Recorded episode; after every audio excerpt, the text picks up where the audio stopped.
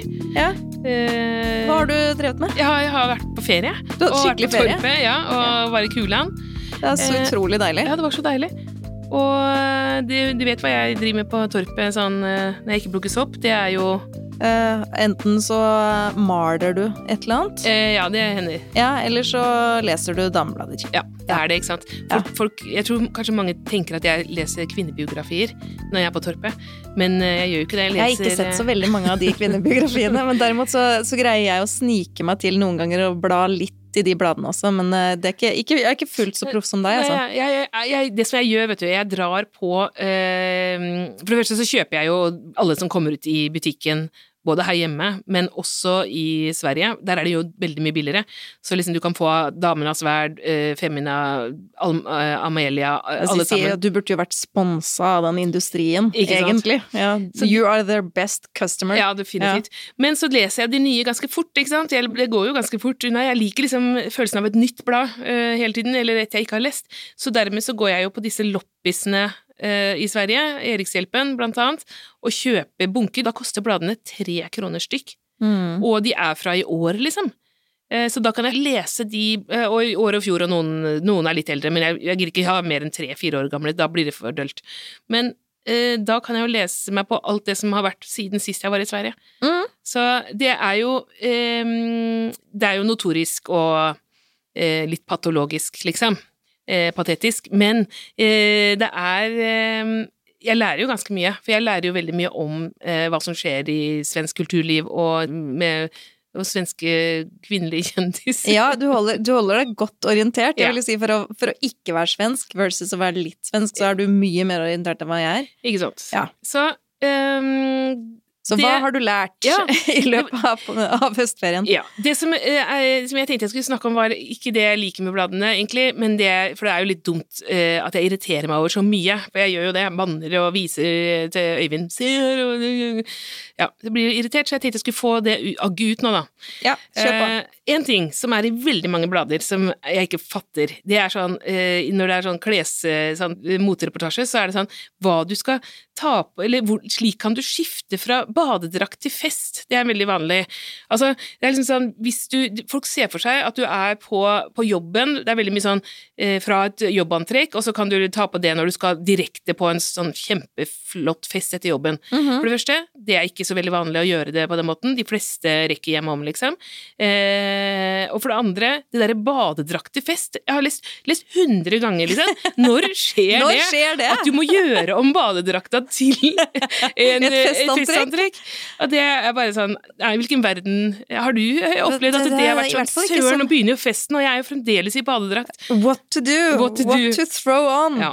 Ja, nei, nei. Det- kunne jo blitt populært, da. Ja. Vet? kanskje vi skal møte opp i badedrakt neste gang og se hva som skjer. det, det, de, de lager liksom for en eller annen sånn eh, verden som ikke eksisterer. Ja. eh, Den, den typen Men det leste jeg faktisk et sitat om, eh, om det var på Instagram eller Facebook, nå husker jeg ikke det, men det var sånn herre Én ting som magasiner hadde fått, har fått meg til å tro, Mm. var at jeg skulle ha bruk for hvordan gå kjapt fra dag til kveld. Ja, eller dag til kveld, liksom. dag ja. til kveld. Hvordan du kjapt skal gå fra business til party. Og det er litt Ja, det samme, ja, da. ja, det det. Så det, så, så eh, det var seinest i dag Ja. så jeg det sitatet, og så var det sånn herre Det har aldri skjedd. Aldri skjedd meg. Nei. Mm. Så mm, Det, eh, en annen ting jeg misliker eh, i disse motreportasjene, pris på forespørsel.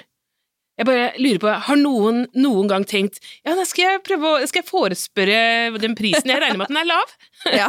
det det- sikkert, sikkert gratis, den. Jeg regner med at dette er et rimelig produkt. Eh, denne sofaen, eh, italiensk sofa, pris på forespørsel, eller eh, kjole, ja. Ja, da tenker jeg, Hvorfor selger man en sofa hvis man ikke har lyst til å fortelle hva den koster? ja. Nei, det blir, eh, det blir det samme som i boligannonser, hvor det bare står høy prisklasse. Ja, ikke sant? sånn, ja, It's er- not for you. Nei. Nei. Og da kan de ha De som er så rike, kan ha egne blader, så ikke de irriterer oss andre. De kan også sendes direkte. Vi vil helst ikke se det engang. Nei. Nei. Så eh, irriterer meg over eh, I disse sommerbladene, da, så er det veldig vanlig å ta med seg enorme mengder med puter, og til og med sofaer og tepper veldig sånn langt fra huset, kanskje helt ned til brygga. Eh, Du kan liksom lage, du har en brygge, og der har de lagt en hvit sofa med store, dyre puter, Mhm. eller ute i hagen, da. Alle vet, ikke sant, at hvis En litt sånn eksotisk, liksom med sånn halvtelt og sånn. Ja. Ja. Alle vet at hvis du drar med deg liksom enorme mengder tekstiler og madrasser og puter i, ute i en hage i Skandinavia, så vil de jo Så kan du aldri ta dem med inn igjen. Nei. Nei, da De- blir de ute. De blir våte om tre minutter, og uh, alt er ødelagt. Uh, og de ligger gjerne liksom og, på sånn tepper i sanda og spiser eh, piknik. Eh, sånn, de har liksom dekket på en sånn lekker piknik med eh, asjetter i I og- porselen, og sånn. porselen. Ja, ja. Og hvem skal bære alt dette her opp og ned? Eh, irriterer meg. Jeg tror det er de samme menneskene som kjøper den sofaen som har pris på forespørsel. Det må være Det er det. liksom for, jeg tror de har egne ansatte bare Til for å bære, ting. De må ha tilhenger, ikke sant, for Ja. å lage disse partyene på stranda. Mm. Eh, så står det veldig ofte intervjuer med folk som viser fram hjemmet sitt, eller sånn at ja, her på kjøkkenet så samles familie og venner, og vi lager maten sammen. I, ut i de små timer, vi sitter her og la, altså De lager alltid maten sammen med venner. Det er ikke vanlig, det. Altså liksom bare sånn der, uh, Altså, her er det åpent hus, alle, alle samles tidlig Og og, barna sent. Og, elsker å være med og lage mat. ja, bare Nei, de gjør ikke det. Nei. Og, det. og jeg tror ikke noe på dem heller. Jeg tror ikke at dere har masse familie og Altså, venner som hvis du inviterer hjem til sånn hjemme hos-greie, det er ljug, Mhm. ikke si det, og si nei, det er jeg som står her på kjøkkenet og slaver og får det ferdig, det blir bra, det blir bra fest, men det er jeg, det var Ja. min fortjeneste. Hvis du hadde invitert meg på, hjem til dere, og så hadde du sagt nå, og når jeg kom, da, så sier du ja, nå skal vi lage maten sammen. At du blir dritsur. Bare, Men jeg er jo Mathias. ja, du så har jo jeg har jo en hjemmekokk. Ja, det jo Så, så sånn er det. Privilegert. eh, En ting som irriterer meg, er at de liksom skal drive og pynte med, eh, med mat, særlig artisjokker. Ja, altså, de, det ligger artisjokker i sånne skåler. Eh, Ja, det er jo fordi de ikke vet hvordan de skal lage de det vet ikke hvordan de skal Nei. koke dem, liksom. Så derfor så blir det sånn å ja, men det ser jo pent ut, det en, hva er det, en liten kaktus? Ja, de tror også det er en blomst, og noen putter dem i sånn, men altså Vase. Vase. Men Ja. det er jo, altså eh, hvis, du, hvis du har artisjokker i en sånn skål, de blir jo visne og tørre med en gang. Mm -hmm. Det er jo virkelig, Og de er dyre, og de er ofte ganske vanskelig å få tak i. Så når du har fått tak i en sånn artisjokk, så må du liksom eh, putte den i kjøleskapet til du skal koke. Du kan ikke legge den til pynt så den visner. Nei, nei, nei. Altså, og jeg elsker jo artisjokker, men det er Mm. jo så mye pes å lage det til at jeg kjøper det jo aldri. Jeg bestiller det jo bare på restaurant. Det blir jo tre ganger så mye søppel som selve artisjokken. Som mat. Ja, ja, ja. Eh, også, men liksom, de, i disse, det er liksom ti-tolv artisjokker i hvert av disse bladene til pynt, og da ja, men nå er det artisjokker akkurat nå. Ja. Så har det jo vært liksom Back in the days var det lime. På Bare 90- folkens 90-tallet. over. Det var 90-tallet. Da var det grønne lime overalt. Lime. Og da skulle alt være litt sånn, sånn i limefarge. Det var veldig Ja. stygt. Mm. Og så etter hvert så kom det fiken. Mm, ja, mye fiken. Og det eh, er heller ikke noe lurt, for de blir jo skikkelig myke og ekle veldig fort, og Mm. trekker til seg bananfluer. Og så er de sånn pene i sånn ca. fem minutter. Så Og nå er det altså artisjokker. ja, det er, altså, hvor stort artisjokkforbruk har en husholdning? Det kan man spørre seg når man eh, leser disse bladene. Eh, når man skal pynte til fest, da, så driver de og legger De har sånn Lin er jo Linduker er moderne. Mm. Uh, det syns jeg er ganske kjekt også, for de kan være litt krøllete, og det ser riktig ut. Men de legger dem i sånn, uh, fold, sånn strimler midt på bordet. Altså, de, de drar dem ikke ut som en vanlig duk, men det ligger liksom som en sånn rull og haug eh, over, Ja, over bordet. yes. sånn. Og det er jo, hvis, hvis du setter et glass der, så vil det hvelve. Ja. Og det ser liksom ut som du ikke gadd å ta på duken. Så mer praktisk borddekning. Ja, det Ja. Ja. Veldig dårlig idé. Eh, og så er det jo masse intervjuer med kvinner som eier disse fine leilighetene med artisjokkene, og så prøver jeg ofte å Eller at de kanskje viser fram sine velfylte garderobeskap og forteller hvilke klær de har og sånn. Og da leiter jeg alltid, for du ser jo at de er rike og sånn, så tenker jeg liksom, hva jobber du med, liksom? Eh, Jeg er interessert i hvem de er og hva de gjør. Og da viser det seg at over halvparten er smykkedesignere. Det, All right. altså, det Så det var det vi skulle ha blitt. ja, det er på en måte eh, Uansett, da, så er det har, Noen av dem har jo hatt andre jobber før, og så har de hoppa denne slitsomme eh, karrierekarusellen, og så blitt smykkedesignere. Eller andre bare har arva smykkedesignfirmaet av sin danske far. Eller eh, så er det liksom antageligvis da, det som ikke står, det er mannen din som tjener penga. Du Ja. eh, selv lager noen smykker som du gir bort til venninner, ikke sant. Da er vi veldig fordomsfulle. Nei, Men igjen så tenker jeg kanskje at er smykkedesigner den nye interiørbutikk? Ja. Altså det er jo sånn Litt. klassisk kvinnens midtlivskrise. Ja. ja. du tjener, og så får du lov til å lage det, så den går kjempeminus, men du får lov. Men altså, det fins jo Altså, jeg har ikke noe mot smykkedesignere, men jeg, Eller interiørbutikker. eh, Nei, for så vidt ikke. Men eh, det blir jo litt rart når man prøver å framstille det som at dette er et av de vanligste kvinneyrkene. Mm. Det er det som man sitter igjen med, og det er bare sånn, da får man lyst til å si nei, det er det ikke. Hvis, du, hvis du leser de bladene, så tenker du at det, ja, faen, det er jo et kjempemarked for norske smykkedesignere. Eh, Det, er, det skaper jo en Eller svenske. Eller svenske. Eller danske. Eller danske. Ja. Men det er jo en, så hadde det jo kanskje vært litt forfriskende om det hadde vært noen som hadde vært sånn her Nei, vet du hva, ja, mannen min tjener masse penger, derfor kan vi ha det fint hjemme, men jeg er sykepleier. Ja, Ja, det er eller lærer. Ja. Eller sånn. Det, er, det hadde jo vært litt mer sånn Ja, Er ikke det greit, da? ja. Det er jo sikkert Ja. mange som har det sånn, men det er bare at de får ikke Men føler de reportasje at de er nødt til å være liksom Må man være smykkedesigner for å få rom i de bladene? Ja, jeg vet ikke. Ja. Det kan også være en oppfordring. Søk etter flere bra folk som også liker god interiør, da. Eh, en annen ting som plager meg, eh, er med matoppskriftene som begynner med dag én. det Da er det bare sånn Dag én, bla videre. Jeg tenker Det er kanskje sånn hjemme hos dere. Dere elsker jo sånn permittering og Ja, men igjen dyrke maten sjøl i Det er jo han vinduskarmen og sånn. kokke, Ja. kokkemannen min som holder på med det. Jeg dyrker jo en del ting, og jeg plukker jo en del ting, og gjør sånne ting, men eh, også, også Det er jo akkurat som du har merket at jeg har tålmodighet til å sitte og for eksempel rense sopp. Mm. Eller rense bær, eller gjøre liksom den jobben. Jeg, jeg, kan, jeg kan sitte og gjøre sånne ting, mm. men så jeg, føler jeg, Jeg at kan, da er jeg ferdig. jeg, kan, jeg kan rense sopp hvis vi har uh, veldig mye rosévin Mm. ved siden av. Ja, men, men det pleier å være en rense- kjempefin kombinasjon. Det er jo det, men godt kan rense sopp edru, liksom, eller sånn uten alkohol. Det, det går ikke. Så, Men det går i hvert fall Jeg, tror, jeg, jeg er sånn firm believer i eh, arbeidsfordeling. Så, så på dag én så renser jeg soppen, og så skjer det ting etterpå. ting etterpå. Ja. Men altså dette med fermentert mat som dere Er det, er det noen som liker det, liksom? Er det, er det, jeg er er veldig glad i det. Nå, Det det spørs jo veldig hva slags type du Altså, alt mulig rart er jo fermentert. Kanskje fermentert. ikke fatte Altså, at det kan være noe godt. kombucha til, eh, til Men kimchi liker du vel? Nei, jeg, gjør, jeg, jeg later jo som det, for det er liksom er hipt, Du later som sånn. jeg, Jeg «Å, elsker kimchi. Takk, det var godt, liksom. Men det er Nei da, jeg liker fermentert mat. Eh, hun Skuespilleren Kari Simonsen sa en morsom ting. Dette er typisk norsk mat. Mat som lukter dritt. Fårikål, rakørret, gammelost. Eller kimchi nå. Eller kimchi. Det er så bare mat som lukter dritt. Det synes Klassisk norsk, norsk Det mat. er norsk tradisjon. Ja, så det, det kan man også finne ut av det. Mm. Men du, jeg leste noe i Morgenbladet, det er en stund siden faktisk, men jeg bare eh, Jeg blar jo i gamle aviser iblant også, ikke bare gamle dameblader. Og vi har jo snakka tidligere her, det var derfor jeg tok det opp, fordi, eh, om det danske akademi og den krisen de opplevde. Mm, stemmer. Eh, fordi det var jo vår Ja, heltinne Roa, ja, vår heltinne her er jo Susanne Brøgger. Ja. Men det har roa seg, ja. Det er jo ikke, Ja. noe, det er ikke noe snakk om det nå lenger, så det har vel fått inn det samme som med det svenske akademi, da, at det har fått inn noen nye medlemmer og så litt roligere. ja, jeg tenker de fikk inn Olga Ravn, og så var alt ordnings. Jeg, jeg stoler på at Olga holder eh, ordning på ting. men hun eh, Marianne Sidsen, som var grunnen egentlig til at Brøgger Stridens kjerne, vil jeg si. Ja. Ja. Eh, hun er jo der ennå, i eh, akademien, så jeg tipper at det er jo ikke helt For hun er en spesiell type. Altså, grunn, Brøgger var ikke den eneste som, som trakk seg, det var flere, i protest mot at eh, Stidsen da, eh, hadde sammenligna metoo med en terrorbevegelse, blant annet, og også for øvrig uttalt seg ganske antifeministisk eh, på en del områder, og så hadde de jo bedt om å, at hun skulle si trekke det tilbake, eller, eller si at eh, ja, nei, jeg kanskje I hvert fall begrense seg litt. ja, begrenset seg litt eller et eller annet, men eh, det nekta jo hun, og da ble det de andre som måtte gå, da.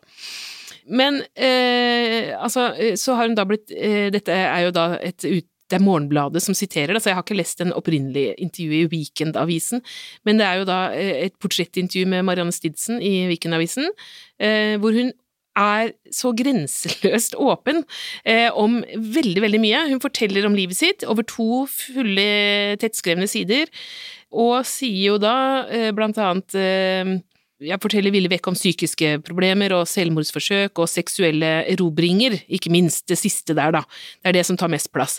For man får høre da om eh, fyrer hun har hatt seg med i senere år, blant annet eh, Pizzamannen, en formiddag på gulvet i hans tomme restaurant. Eh, det var også politimannen som mente at hun ga verdens dårligste blowjob.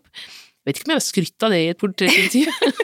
Jeg vil, jo si at du vet du er i Danmark når. Ja, liksom Det er sånn, bare i Danmark noe sånt skjer. Okay. Hun forteller om den unge araber som hadde tatt på seg en fargesprakende kaftan før han tok meg bakfra på ryeteppet i stua.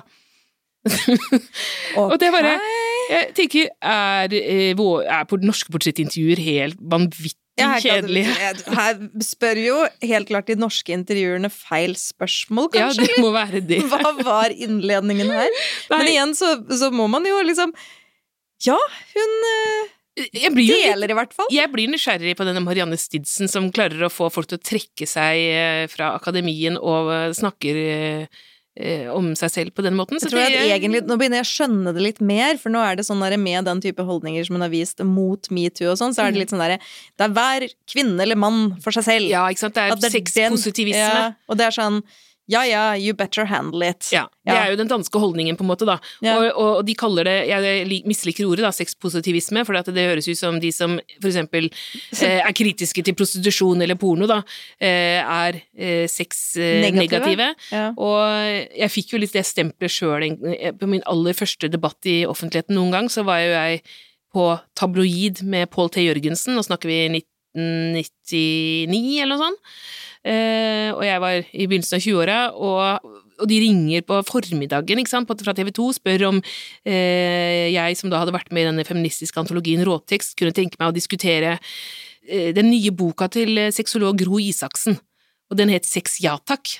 Og det var jo positivt. Så da var du og så var det jeg som skulle være sex nei takk. og, jeg, og jeg bare Jeg tenkte liksom Jeg kan jo ikke si nei til første mulige Altså, jeg hadde skrevet en- i min første antologi, eller første bok, da. Ja, ja, ja. Måtte jo si ja, så jeg bare fikk den der boka hennes med bud, og satt og leste den liksom eh, på do på jobben. Eh, eh, og da Her var det faktisk en sånn derre rett fra jobb til uh, Altså, her kunne jeg Her trengt kunne du ja, ha brukt det. det Men med var du hvordan- badedrakt? ja, nei, det Eller var var det bare rett fra jobb? Ja, jeg kom på det, for jeg satt Ja. liksom på do, og så, og så hadde jeg på meg jobbklær, og så, for jeg satt på jobben på, på, på dojobben, da. Og så, og så tenkte jeg plutselig shit, jeg skal på TV, liksom. Jeg må jo gjøre meg raskt i stand. Så hadde jeg hatt nytte av den eh, artikkelen. Ja, hadde du bare visst om det litt før Litt klokka elleve om formiddagen? Og så leser jeg gjennom boka, så står det Selvfølgelig masse bra, hun er jo ganske flink, anerkjent eh, sexolog, og så skrev jeg, tok jeg liksom tak i noe som var sånn eh, At hun tipsa at man kunne slå hverandre litt med oppvaskutstyr og sånn, eh, som jeg mente var litt sånn heftig for oss unge kvinner. Det var, jeg fant et Har ikke annet. minste lyst til å bli dasket med Nei, oppvaskbørsten? jeg ikke lyst til å vaske opp heller. Jeg Jeg bare, så jeg tok liksom utgangspunkt i noe jeg syntes var litt drøyt, liksom. Og så fronta det, da. Og det var Og endte jo opp da som litt sånn sexnegativ eh, 23-åring. Så det, det var eh, Men altså, dette det, debatten om eh, altså begrepet sexpositivitet, det har jo de som lobber for prostitusjon og porno på en måte eh, egentlig omfavna, da, og, Mm. og, og bruker det politisk. Ja, og når du snakker om akkurat det der å bruke ting politisk, fordi har du i løpet av sommeren sett TV-serien eh, Harlots? Nei. Nei. Den er jo, ligger jo på NRK, eh, og har ligget og vært eh, veldig fronta, og jeg må jo si at jeg var ganske Altså, jeg ble dratt i to retninger fordi jeg elsker jo kostymedramaer. Jeg syns jo det er noe det Altså, virkelig elsker det, på grunn av kostymene, mest av alt. Og drama og kjærlighet, og det skjer masse greier. Ja. Men det er jo da en TV-serie om en uh, familie i London på 1700-tallet, Mm. hvor uh, mor er uh, skikkelig som bordellmamma. Og hvor, Det var det som var apropos. Ja, det handler om apropos, for nå er vi tilbake på prostituerte. Okay. Ok. Eh, og at eh, hun da har døtrene sine ansatt i sitt eget bordell da, sammen med andre. Så det, hele handlingen i tre sesonger av Harlots foregår jo da i et bordell. Mm. Og her rives jeg virkelig imellom liksom sånn Kan man bruke prostitusjon som underholdning? Ja. Det er spørsmålet. Ja, det spørs jo åssen det er gjort, da, kanskje, men er det sånn at de liksom bare later som om dette er en helt greie yrke Nei. og et bra liv for disse damene? Det som, som For jeg måtte jo se. Og jeg endte jo opp med at liksom, ok, nå kan jeg jo avsløre også at jeg har sett alle tre sesongene. Mhm. Jeg har sett den helt til slutt, så, så jeg skal ikke spoile noen ting. Mhm. Men det som serien også gjør, da, er jo at de viser jo For det første så er det jo i en tid eh, som er en helt annen tid, og kvinnens eh, muligheter var jo ofte begrensa. Eh, og hadde man en gang kommet seg inn i en viss side av livet, så var det jo vanskelig å komme seg ut av Mm. det igjen. Mm. Eh, veldig begrensa muligheter akkurat der. Eh, og så er det jo en enorm stor klasseforskjell mellom rike og fattige. Det blir veldig tydelig. Og så er det jo slik det er fremstilt i TV-serien, så er det jo sterke kvinner det er snakk om. De Mm. har jo Og det er ganske voldsomme ting de blir utsatt for også, altså. Det er jo virkelig ikke bare positivt, det som de må gjennomgå. Mm. Men samtidig så er det jo De tar jo selv Altså fremstiller som kvinner som tar aktive valg, de gjør, prøver å gjøre noe med sin egen situasjon. Og så er det jo klassisk sånn Det er drama, det er intriger, det er alt det der som man liker liksom en sånn god TV-serie. Det er jo ikke det første horehuset i underholdningsbransjen, Det sånn sett. er Det er liksom ikke. eh, veldig klassisk i western westernfilmer og alt sånt noe. Absolutt. Men jeg tenker hvis jeg er lagd nå, eh, av, eh, i, i sånn storformat som det der, så tenker jeg at da har de sikkert tenkt på ting som de ikke tenkte på på 70-, 80- og 90-tallet, når man lagde tilsvarende eh, scener. At man liksom har med faktisk At, man ikke glorifiserer, da. For jeg tror Nei, at det er sånn ikke der, det, men samtidig som Dolly de også Parton som sånn lykkelig hore på horehuset, og så alt er bare jeg, tror- jeg, tror- Little whorehouse on the prairie, ja, typ. ja, jeg tror ikke det Man tror ikke man lager det på den måten lenger. Nei, det er ikke Men samtidig så er det jo også det er liksom med da Sånn som du sier, denne sexpositivismen, da. Mm. At det fremstilles som at ja, ja, hvis du bare bestemmer selv, og du har kontroll over det, så er alt greit. Mm. Så er det jo litt sånn likevel, da. Ja. Skriv en Ja. kronikk. Ja, ja jeg bare Jeg har ikke helt bestemt meg ennå for Men underholdende, ja. Uh, questionable, Ja. også ja. Ja. der har jeg landa på den saken der. Jeg skal ikke se den, for jeg liker ikke kostymer. Ja, elsker kostymer. kostymer. Elsker det. Men en eh, dame jeg liker, det er uh, Sinead O'Connor. Hun var jo en heltinne for meg i oppveksten, eh, holdt jeg på å si, når jeg spilte gitar. Mhm. Eh, og jeg har stått liksom så mye foran speilet og sunget den der eh, 'Nothing Compares to You' og prøvd å få en tåre til å renne på rett sted og sånn. Åh, men barberte du også av deg Nei, jeg er du gæren. Nei, der gikk grensa.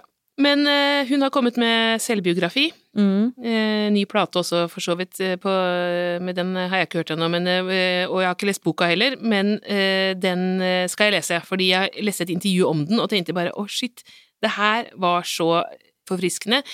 Du veit, vi har prata en del tidligere om sånne ting som vi husker fra ett eller to eller tre tiår siden. Eh, damer, gjerne kvinners historie, kjente kvinners historier, som har blitt veldig sånn Som ser helt annerledes ut i våre og samfunnets Mhm. øyne, ikke sant. Vi har snakka om Monica Lewinsky, som vi liksom alle var enige om at var en tøyte den gangen, og alle tenker shit, hva var det vi tenkte Shit, på, tenk liksom. at hun sto i det, Ja. tenk at det skjedde. Ja. Eh, Britney, hvor vi liksom også tenkte litt sånn eh, Jeg husker liksom Jeg syns jo det var eh, Ja. På tale om å barbere altså håret, tenker du? Ja. Også? Ja. Eh, Jeg, jeg mislikte henne eh, når hun kom, for da var det liksom helt feil Jeg syns det bare var eh, feil den gangen, men så har jeg liksom Så når man ser disse filmene, og så ser man hvordan hun ble behandla, så ser man hele historien på en annen måte, og til og med så viser det seg at musikken var jo bra, den òg.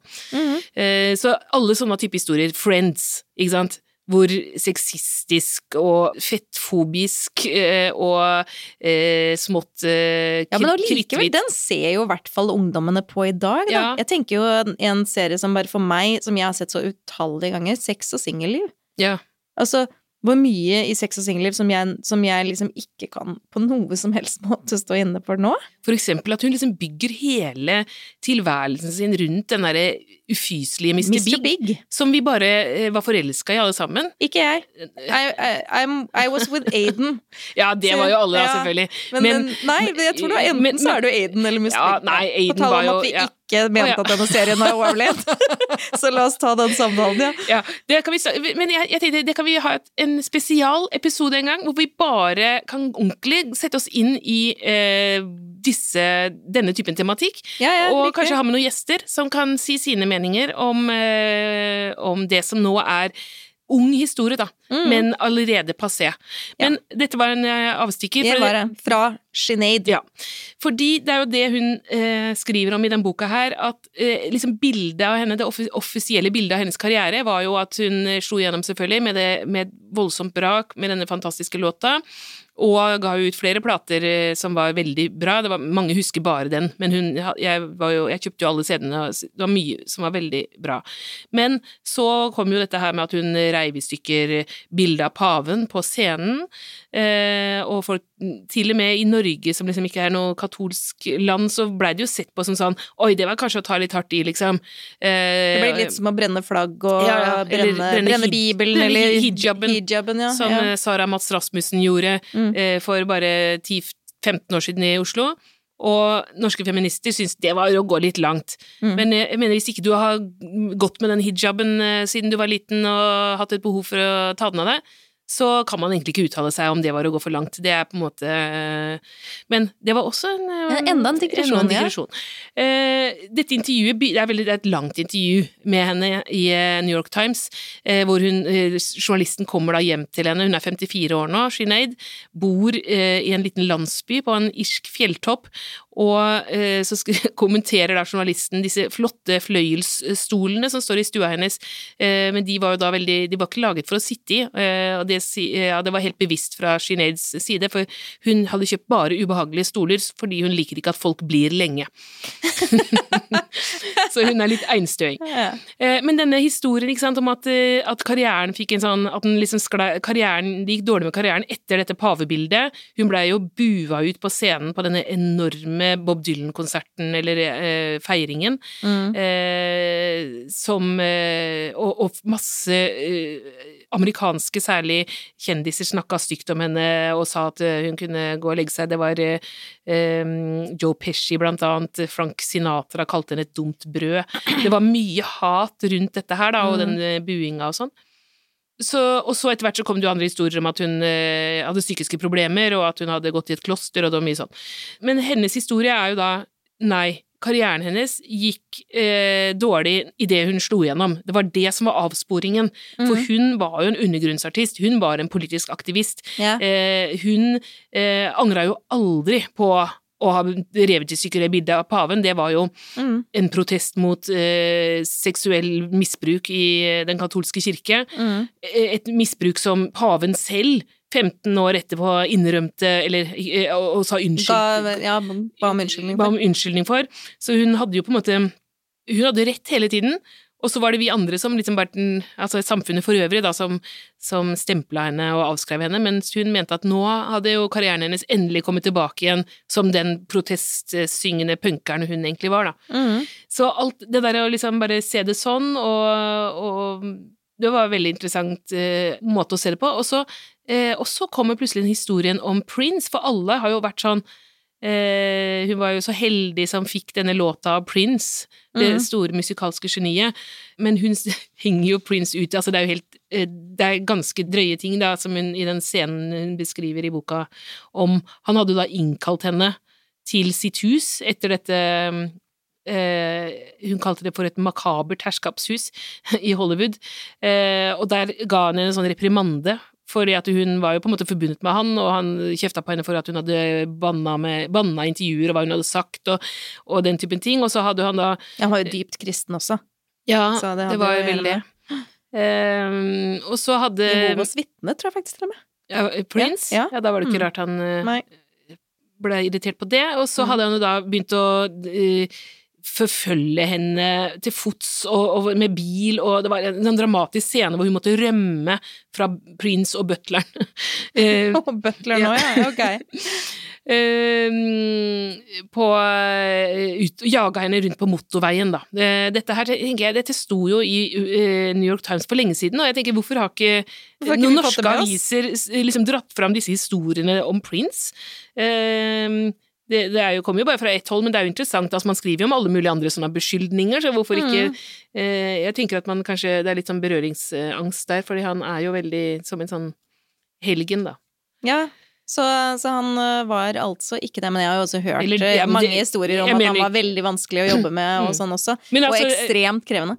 Men, men det er også en, en ung jente for da hun var i begynnelsen av 20-åra, mm. kommer aleine til dette svære huset og opplever altså Det var en sånn skrekkgreie hvor alle hadde liksom snudd seg mot henne, og hun må løpe ut på gata og bli forfulgt. Ja. Det var liksom bare Det var litt annerledes enn en, eh, Det var eksentrisk. Ja.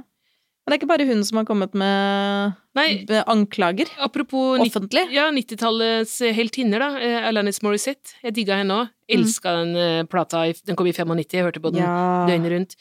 Uh, der er det jo én sang, da, som uh, En av de mest kjente sangene, You Ought To Know, Ja, ja. Den eh, teksten, det visste ikke jeg den gangen, men den er jo, han er jo et sånn anklage til en fyr som burde ha visst at hun var for ung til å Ja, har med. jeg, ja, det Mm. har jeg også skjønt Ja. At det var. Og ja. nå er det jo Nå har hun jo da gått ut og sagt eh, og beskyldt eh, flere personer i musikkbransjen i en dokumentar på HBO eh, som heter Jagged, eh, for dette her, da. Det er jo Mm. Hun var eh, 15 år. eh, På den I dag så tror jeg det var er eh, 16 års seksuell lavalder i Canada, men da var det 14.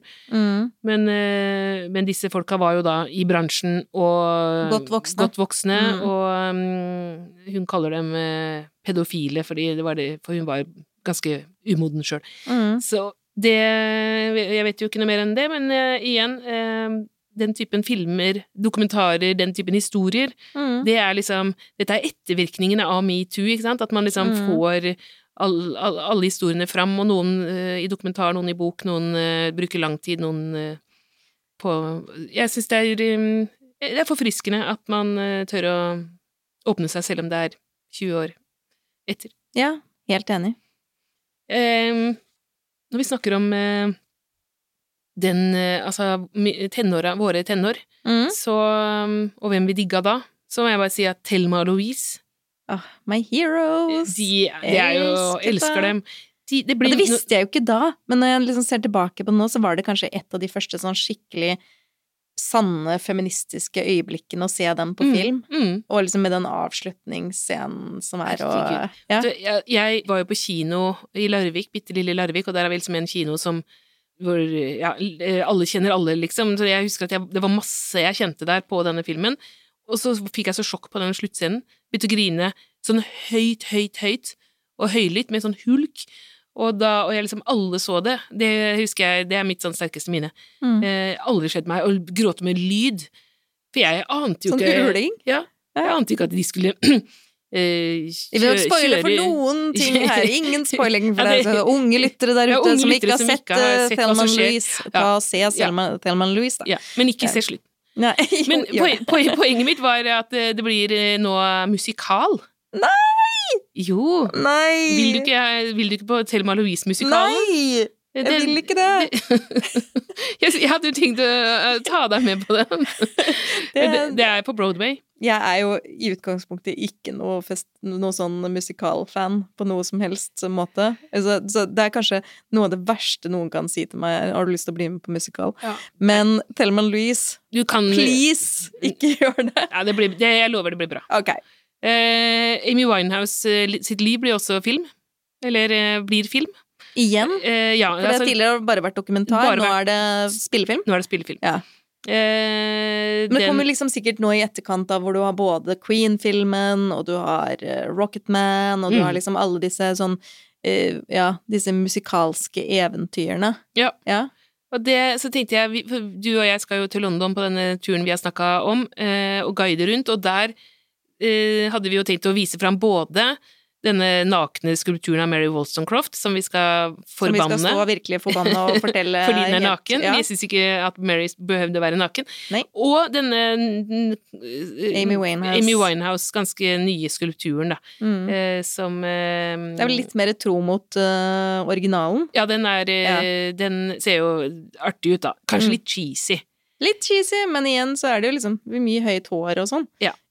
Men det får være greit. Eh, og, og igjen det, Hun har i hvert fall klærne på. Amy Winehouse går jo helt inn i dette vi prater om med disse historiene som forandrer seg. Mm. For det, dette er jo ikke så lenge siden, i våre liv i hvert fall. Eh, de ungene har jo ikke hørt om henne, men, eh, men liksom Vi syns jo på en måte at den eh, Vi aksepterte på en måte den latterliggjøringen som mediene dreiv med. Mm. Altså eh, det å gjøre narr av en jente som er eh, sjuk og alkoholisert, og alle ser at det går kjempedårlig med, og så var hun en vits. Det Ja. var jo liksom eh, Og når hun egentlig var hun, altså, hun var jo et fantastisk talent. Det er jo ikke noe tvil om at hun var det. Så ja, la oss eh, håpe at filmen gjør henne ære. mm. En ny film eh, kommer med Trine Dyrholm. Det er en kul dame.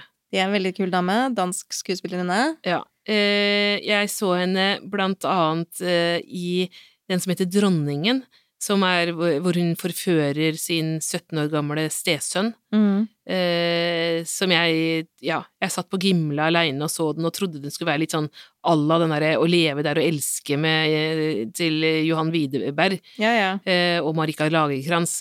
For at- Ikke akkurat. for den handler også om det, da, ung, ung gutt, voksen dame.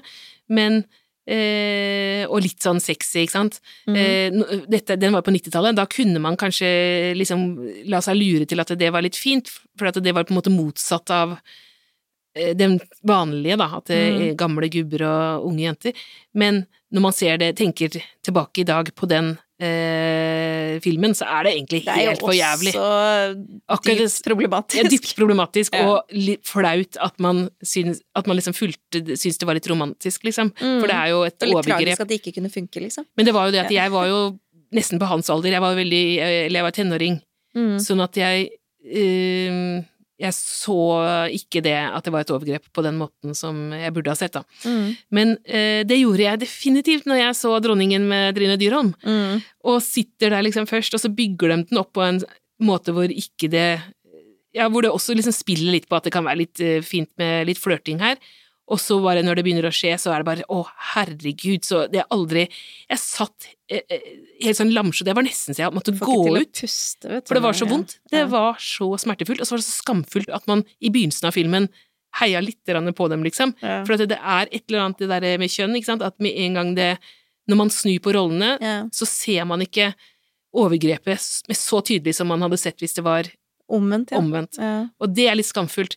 Eh, Så det satt jeg og sleit med i den filmen, men den var så bra, og hun spiller så godt. Mm. Men nå skal hun spille hovedrollen i filmen Margrethe den første, om eh, dronning Margrethe, som eh, Altså, vi tenker jo på at danskene har dronning Margrethe, eh, men de er jo den andre. Og den Mhm. første dronning Margrethe var også vår dronning, hun var dronning for hele Norden. Eh, så dette er jo I hvert fall Skåne og Norge. Så ja, hun Ja. var i hvert fall først Norge. Sverige og Danmark, Ja, men ja, hun eh, drakk vel faktisk å være med, ja, ja. Unionen. Men, eh, men det var jo 1402, da, så det er jo en veldig Det er du som liker kostymedrama. Elsker Dette her- kostymedrama, så her eh, kommer det et kostymedrama for meg. Dette bildet ligner litt på Reisen til julestjernen. Ja, akkurat der så det litt sånn vel Så litt pompøst ja, ut, så sånn sett så kan det jo være litt morsommere med litt sånn realisme i det der eh, tidskoloritten. Og bare huske på at det var ganske møkkete. Ja, det det var det. ikke så clean, og det tenker jeg også når jeg ser disse første bildene fra, fra den nye liksom, remaken av Tre nøtter til Askepott. Mm. Så tenker jeg også sånn herre Ja, alt er rent og pent. De, egentlig så hadde de alt er råtne tenner, Ja. og det lukta så jævlig, liksom. Yes. Helt utrolig at de klarte å lage barn på den tida, når de var, lukta så vondt. Jeg tror alle lukta like vondt, da. Ja. Så det var vel eh, kanskje det som var redningen, Ja. tenker jeg da. Mm. På podkasten Patriarkatet faller av og med Marta Breen og Anette Garpestad, utgitt av Agenda Magasin. Ansvarlig for lydteknikk og musikk er Margarita Krimici. Du finner Patriarkatet faller på Facebook, Instagram og Twitter. Og du kan sende oss en e-post på patriarkatefaller at gmail.com.